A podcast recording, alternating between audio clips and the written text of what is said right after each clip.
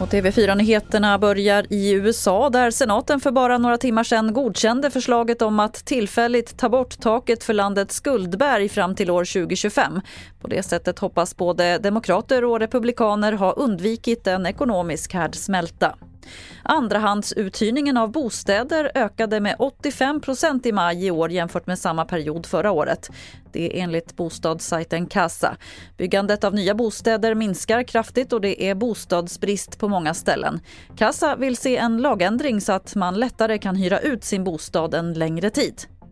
Vi ser ju nu ett jättebehov eh, både av att hyra ut sin bostad för alla de som har en svår eh, ekonomisk situation men också för liksom hundratusentals människor som hyr bostäder i Sverige som eh, kanske blir bostadslösa var sjätte, tolfte månad när eh, kontraktstiden går ut. Och vi ser ju att det här är en ganska snabb och framförallt billig lösning då det inte kostar statskassan en enda krona.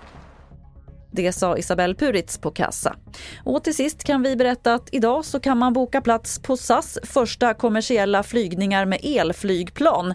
30 säten finns tillgängliga och de första flygningarna är planerade till år 2028.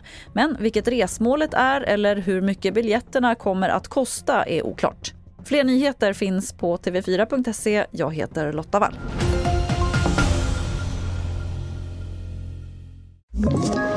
Ett poddtips från Podplay.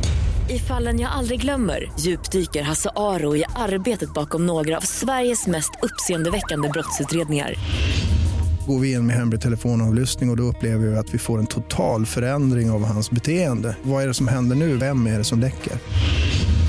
Och så säger han att jag är kriminell, jag har varit kriminell i hela mitt liv men att mörda ett barn, där går min gräns.